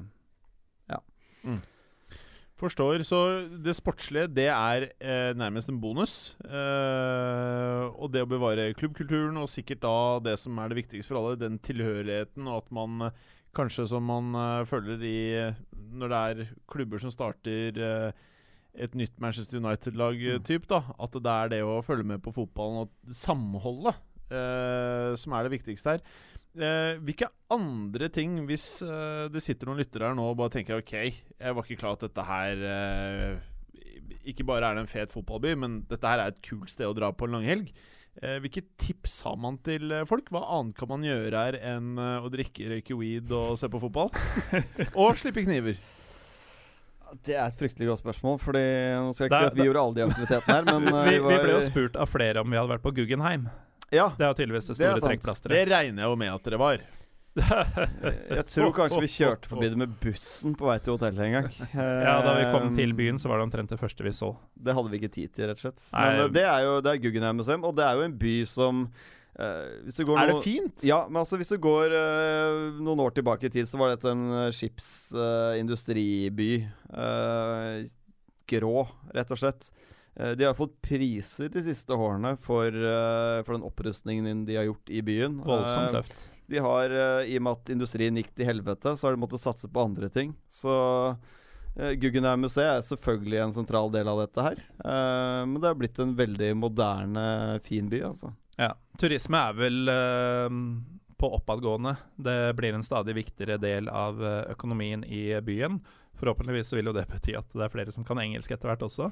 Ja. Uh, men det, det er et pent sted. Uh, kommer du en annen tid på året enn januar, så vil jeg tro at du kan få ganske bra vær også. Det er kort vei til Biscaya-kysten hvis du skal ta litt uh, litt strandferie samtidig. Da skal du riktignok være der på ordentlig god tid av året. Eh, men det, er jo et veldig pent område også. Det var mye, mye landskap da vi gikk Ja. inn for landing og da vi skulle ut til Lesama. og sånt. Det er jo fjell og daler og diverse sånn. Eh, flott område. Masse god mat så lenge du leiter den opp. Gå på de går inn- riktige stedene. Mm. Eh, og i det hele tatt enorm gjestfrihet og eh, rett og slett god stemning, syns jeg det var i byen. Helt klart. Vi var eh, Ja, de tok vare på gjestene. Her var det snakk om at vi skulle ha det bra da vi var der. Så det Mm. var eh, Det var en egentlig en ganske sinnssyk opplevelse. Alt Jeg hadde egentlig ikke forventa at vi skulle komme så tett inn på alt, da. Eh, som vi faktisk gjorde. Jeg tenkte litt tilbake på det. Fra vi landa uh, og til vi tok av igjen, så gikk det ganske nøyaktig 48 timer. Det vi Ja, det fylte de 48 timene med, det er ganske mye, altså. Det var ikke mye søvn. Nei. Sånn er det. Ja, det er en fantastisk tur. Det er, eh, det er kult å få innpass, og spesielt jeg da, som ikke har vært så tett på de hooligans-miljøene tidligere, og komme så utrolig tett på å bli invitert inn i hula deres, få lov å sitte ett på natten og ha et uh, 20 minutter, halvtimes intervju med en, altså et par av lederne i gruppen og en ukjent fyr. Vi aner ikke hvem han var, men han hang med disse to lederne hele veien. Jeg Snakket ikke engelsk. Eh, Sa ingenting. Virket som en slags nesten observatør som var med på hele reisen. Så Eh, For meg så er jo det Preben sier en, eh, en stor seier, da, fordi et av delmålene med, eh, med det jeg driver med i Pyro og Pivo, er jo å stimulere til at folk skal reise rundt og oppleve fotball på en litt annen måte enn kanskje det sporet som mange har gått seg fast i. Mm. Og når da en hva skal vi si, satt, trygg familiefar som Preben kan eh, møte ganske knallharde, neddopa hooligans eh, en mørk fredagskveld i Bilbao, og komme tilbake og synes det var fett. Eh, det er sånn jeg vil høre mer om. Ikke nødvendigvis at du skal møte hooligans, men at eh, Nei, men det er frykten om å utforske det, det litt mer obskure og det litt skumlere, kanskje. Eh, at terskelen for det skal bli lavere.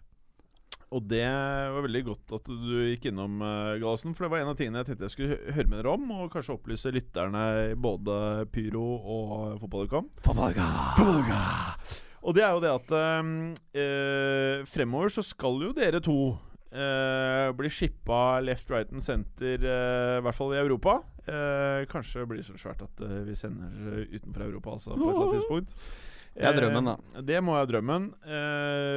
Vi har jo diskutert litt hvilke destinasjoner som kan være aktuelle. Og da tenkte jeg at um, i hvert fall lytterne bør jo kunne kaste seg på her og komme med forslag. Mm. Kom gjerne med forslag, altså. Vi, vi har jo med mm, filmen her. Filmkamera og alt, så vi, det kommer noe etter hvert.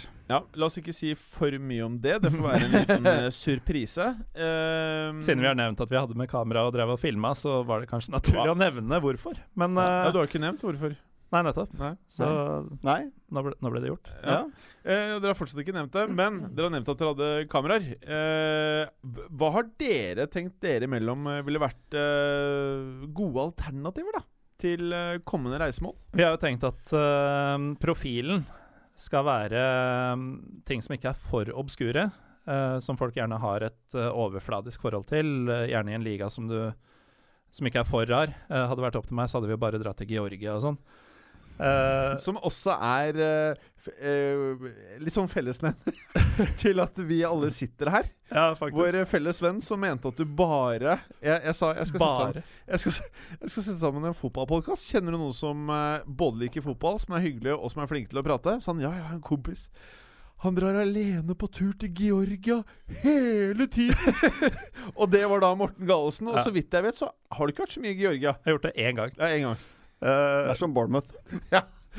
Men eh, profilen vi har tenkt oss er jo, og, og der passer Atletic perfekt som et startpunkt. da. Eh, en klubb som man veit om, man veit at det er noe spesielt ved den, men veldig få har inngående kjennskap til det. Uh, og i så måte så har jo Napoli vært et av de stedene vi har uh, sikla på. Ja, helt klart. Det er, jeg tenker det må være alt det du sier om at det må være en klubb som folk har hørt om. Det er en Men du kjenner ikke alle fakta. Um, gjerne litt politisk eh, uro. Mm. Uh, gjerne en supportergruppering som er spennende og Du litt utradisjonell. du skal gjerne tro at du vet en del, uh, og så skal det vise seg at uh, du har egentlig bare fordommer. Ja. Det var Lazio som et annet eksempel, da, som Mm. kan være noe. Og er mye Italia, rett og slett. Mitt, Ja, Marseille mitt bidrag i hatten her, eh, det er Aten. Ja. Eh, for Aten har ikke bare tre ganske store klubber, altså AEK, Olympiakos, Panathinaikos, men de har også mye annet av uh, fotball der også. Og så er det jo en litt uh, Det er jo mye annet som skjer i den byen. Uh, både så har vi jo hatt mye politisk og økonomisk som har skjedd i det siste, men det er også veldig mye kultur. Ja. Og det er jo et av poengene med turene deres. At ja, det er fotball som er hoveddriveren, men man ønsker jo å dra et sted for å ha det hyggelig og kunne oppleve litt av kulturen og atmosfæren også. Så jeg slenger den oppi der, og da får dere også smakt skikkelig ouzo. Og så ville jeg da selvfølgelig ikke blandet meg inn i alt det redaksjonelle her, men jeg kunne guida dere litt. Aten har jo vært nevnt også, faktisk. Ja, vi er jo en av to Nei, altså, jeg tror det er to nordmenn som ikke har vært i Hellas noen gang. Ja. Det er oss to. Eh, Har ingen av dere vært i Hellas? Nei, to, det- to nordmenn i hele verden som ikke har vært i Hellas. Og de, de to sitter her sammen med deg, Jim Dimitrios. It is not good, my friends. I will take you to my hometown. Men uh, ja, Gjerne. så eh, Aten for meg er uh, number one. Men lyttere, kom gjerne med forslag til Mm. hvor det er spennende å dra og utforske. Og så en annen som jeg faktisk For jeg lurer veldig på det sjæl. Det er selvfølgelig eh, Ukraina. Eh, for når jeg leste den der boken om eh, når eh, de spilte mot tyskerne Altså når tyskerne invaderte Ukraina, den der fotballkampen Det ga meg veldig mersmak til å vite litt om hvor heftig patriotisme er det i Ukraina i dag, og hvor viktig er fotballen Eh, sikkert av 100 forskjellige grunner, men etterdønningene etter akkurat det som har skjedd, syns jeg virker veldig spennende. Jeg var jo i Ukraina Der kommer det. For å prøve å finne ut av det. Eh, for, eh, for ganske fire år. Ganske nøyaktig fire år siden så skulle jeg egentlig på Dynamo Kiev mot Sjaktar Donetsk. Ja. Som jeg føler er det oppgjøret du kan dra på for å få svar på sånne ting. Eh, men det var jo selvfølgelig i de dagene som gikk mellom revolusjonen, hvor de hadde kvitta seg med Janukovitsj, og eh, russernes eh, annektering av Krim. Ja. Så naturligvis så var all fotball i landet avlyst. Ja. Og vi fikk heller eh, utforske puber og diverse steder hvor folk hadde dødd dagene i forveien. Så jeg kan godt dra tilbake til eh, Ukraina for å prøve en gang til. For jeg fikk ikke de svarene jeg søkte. Og så er det også selvfølgelig da øh, Russland er jo også veldig spennende med alle disse her lokomotiv og Altså det Ut ifra hva som var yrkesgruppene, da. Uh, høres jo veldig spennende ut. Ja, må være trygt, da. Ja, Det er da. er du utrygt i Russland? Jeg har vært der sjøl, jeg. Ja, det gikk bra. Ja, jeg sitter jo her. Ja. uten Nei, å se, skramme Eller det er jo opp til å debattere, men eh, alt i alt eh, Hvis folk ønsker å følge deres eh, fotspor, kanskje ikke å lage podkast og filme alt som skjer i eh, fotballunderverdenen i Bilbao, hvordan, hva, hvordan går man frem for å gjøre en fotballviken ut av Bilbao? Uh, nei, du må jo egentlig finne flybilletter. Eh, det er vel ikke noen direkterute til Bilbao fra Norge, men via Brussel, som vi eh, kjørte, var eh, knirkefritt. Ja, og der det skjer, er jo fra Dere fløy, håper jeg? Vi Vi det. Ja. Så ta utgangspunkt i San Mames, som ligger relativt midt i byen. Mm. Eh, Så går det en gate Du skjønner det når du står der. Fra store skjermen som henger på San Mames, TV-skjerm. Eh, langt nedover gata der, det er der det skjer, rett og slett. Eh, det er litt sånn turistgreie, men uh, matchdag så er det stappfullt i gata Jeg vet ikke om stadion. vi nevnte hvor viktig San Mames er i bybildet der. Nei. Men det er jo faktisk altså, De aller fleste steder man drar for å se fotball, så er jo stadion et såpass stort eh, Noe som tar, krever så mye plass, da. Både stadion i seg selv, og så er det ting rundt parkeringsplasser osv. som gjør at de ofte ligger litt sånn avsidesliggende. Samamis ligger midt i bykjernen. Og Uh, eh, gatene rundt der, som Preben sier, fulle av kafeer, restauranter, spisesteder. Hotellet vårt lå maks ti minutters gange unna. Uh, det er uh, et veldig bra område å ha base i. Så når du leiter etter Airbnb-leiligheter eller hoteller eller hosteller eller hva det er, sjekk hvor stadion ligger, og bare plasser deg i nærheten av det, så er du golden. Kjørte dere Airbnb? Nei. Nei. Det var vel mye pga. deg, sikkert, Preben? Det er riktig. Ja. Jeg trenger litt eh, komfort når jeg er på tur. Ja. uh, og det fikk jeg selv med Morten i sidesengen. Da. ja, Det var veldig hyggelig for øvrig. Det var veldig hyggelig, Preben. Og hvordan er uh, det å leve der? Er det ok priser? Fryktelig billig. I hvert fall for oss som fikk spandert alt av uh, Ja, Den ene gangen jeg måtte kjøpe, så kjøpte jeg eh, et glass rødvin til hver av oss, Ja. faktisk. Ble tre euro? Tre euro Mm, totalt. totalt. ja. Så Det nei, det var uh, veldig billig. Og så insisterte vi jo da, til tross for store protester fra Pablo, om å ta regninga på det siste pinchos-stedet som han hadde tatt oss med på. Ja. Da hadde vi spist oss forderva, fortært to flasker rødvin, han hadde fått drikke så mye calimocho han ville. Med mye tips så var det vel eh, noen og 40 euro. Og I tillegg fikk vi lov å komme inn etter stengetid og filme hvordan han uh, lagde maten. Ja. Oi, så Etter dere at har de hadde gjort det? stengt. Ja, vi har gjort Mm. det. Fett. De har stengt hele sjappa, så får vi krabbe under gitterne, og han står og lager en siste chorizo og tilbereder litt mat som, Som vi ikke betalte for, for øvrig. Vi ikke betalte for, nei. Nei. Så Vi hadde allerede um, fått fikk, eh, der også fikk vi veldig tilgang. Mm. Rett på det vi ville. Så alle var dritfete og hyggelige. Alle var dritfete, faktisk. Det høres det. ut som perfekte helgen, da. Mm. Det var det. det Så dra dit, uh, si høstferien eller påskeferien, så får du litt bedre vær også. Da har du alt du trenger. Deilig. Ja, dere har uh, solgt i hvert fall uh, reisen inn til meg. Mm. Og så må jeg takke for eh, noen nydelige klistremerker. Uh, Ikke takk oss. Takk Peewee fra Herri Norte Taldea. Og du kan også få denne CD-en. Uh, Gjør du jeg fra deg uspilt? Den er i plasten fortsatt. Jeg, den heter da Athletic eh, Gugara. Gud vet hva det betyr, Ja. men uh, noen vet sikkert det. En sang som heter et eller annet med San Mames osv. Jeg tipper det er heavy metal. Uh, Ja. For det er på en måte takk. det det Jeg, går jeg tipper det er rølpepunk. Ja, det er et eller annet eh, Atletic Gugara. Ja. Det ser faktisk eh, ut som han eh, Det ser jo ut som en ordentlig produksjon, i det minste. Ja, det, det, det ser Men det er jo en overraskende bra rockeby, ut. Morten. Eh, det kunne jo si at det er eh, de kule utestedene spiller uten at det er noe musikkgeni. Det vi Jeg er jo ble vist, i tonedøv. hvert fall, Ja. eh, spilte jo det. Og det er jo enda en eh, tommel opp fra min side, i hvert fall. Ja. Dette høres eh, bra ut.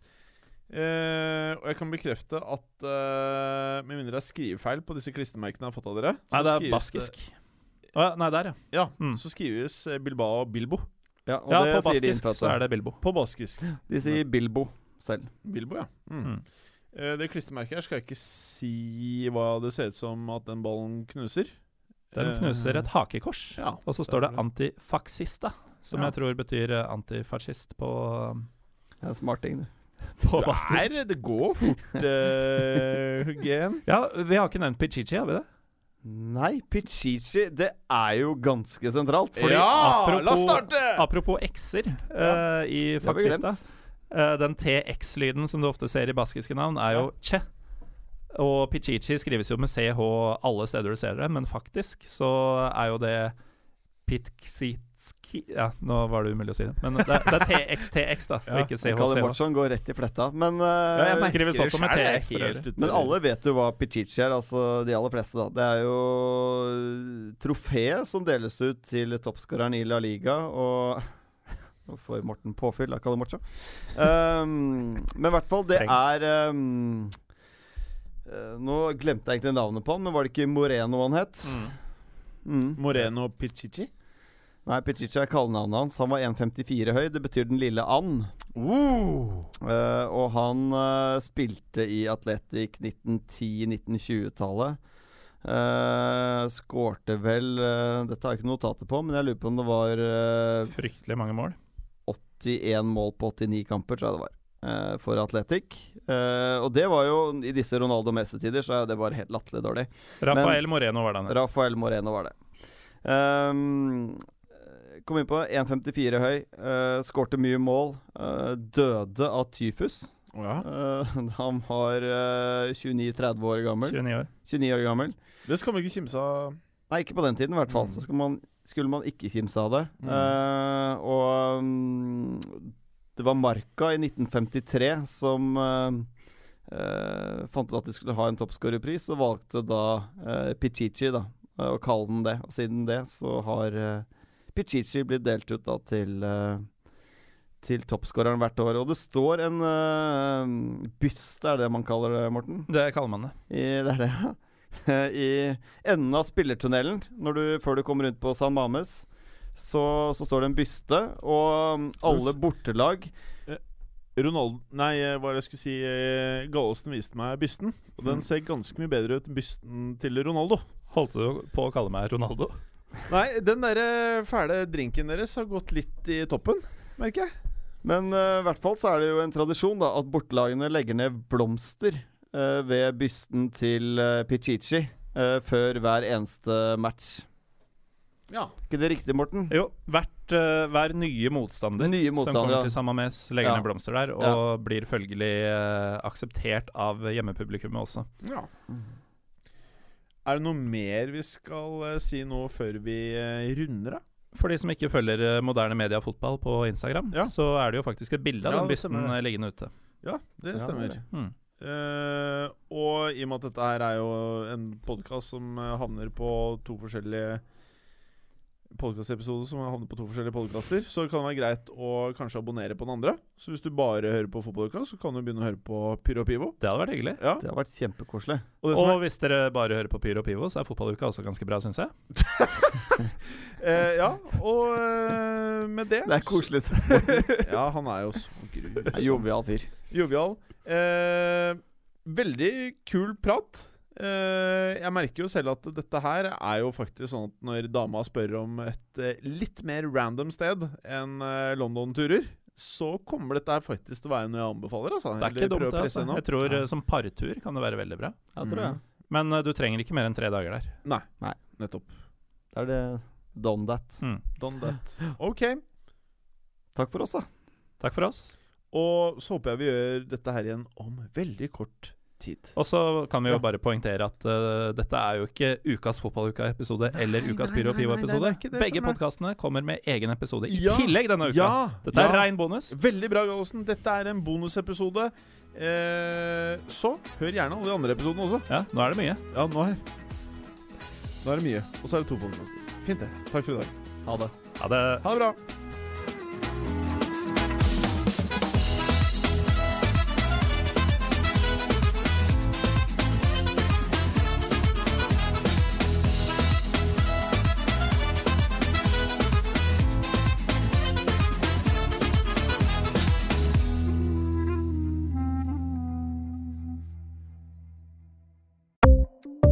Ukens annonsør er HelloFresh. HelloFresh er verdens ledende matkasseleverandør og kan være redningen i en travel hverdag. Mange av oss har nok vandret i butikken både sultne og uten en plan for middagen, som ender med at vi går for de samme kjedelige rettene gang på gang. Middag burde være dagens høydepunkt. Som HelloFresh kan du nå velge mellom 25 ulike retter hver eneste uke, eller få HelloFresh til å sette sammen menyen for deg. Dette gir deg muligheten til å prøve nye og spennende retter alene eller sammen med familien. Du velger antall porsjoner og får alt levert på døren på et tidspunkt som passer for deg. Oppskriftene er enkle, og maten er lett å lage både for store og for små. Ved å få alt levert hjem får du også mer tid til å dele matgleden med familie og venner. Kanskje det frister med asiatiske tacos eller greskinspirert kylling? Da kan jeg anbefale deg om å gå inn på hellofresh.no. Her kan du bruke koden FOTBALL og få opptil 1779 kroner i rabatt på de første fem matkastene hvis du ikke har prøvd HelloFresh tidligere.